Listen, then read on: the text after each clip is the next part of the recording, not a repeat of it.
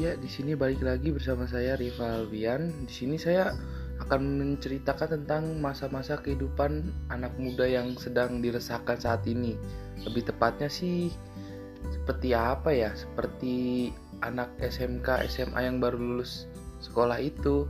Saya cuma ingin tahu tentang keresahan-keresahan apa sih yang bisa dapat kita salurkan di Spotify ini atau di podcastan ini. Dan saya sih sebenarnya untuk berbagi sharing untuk cerita tentang sesama saja untuk kayak apa yang kita aspirasikan semoga bisa didengar oleh hak layak orang dan tanpa harus melihat apa yang kita tampilkan dengan wajah. Itu aja sih. Terima kasih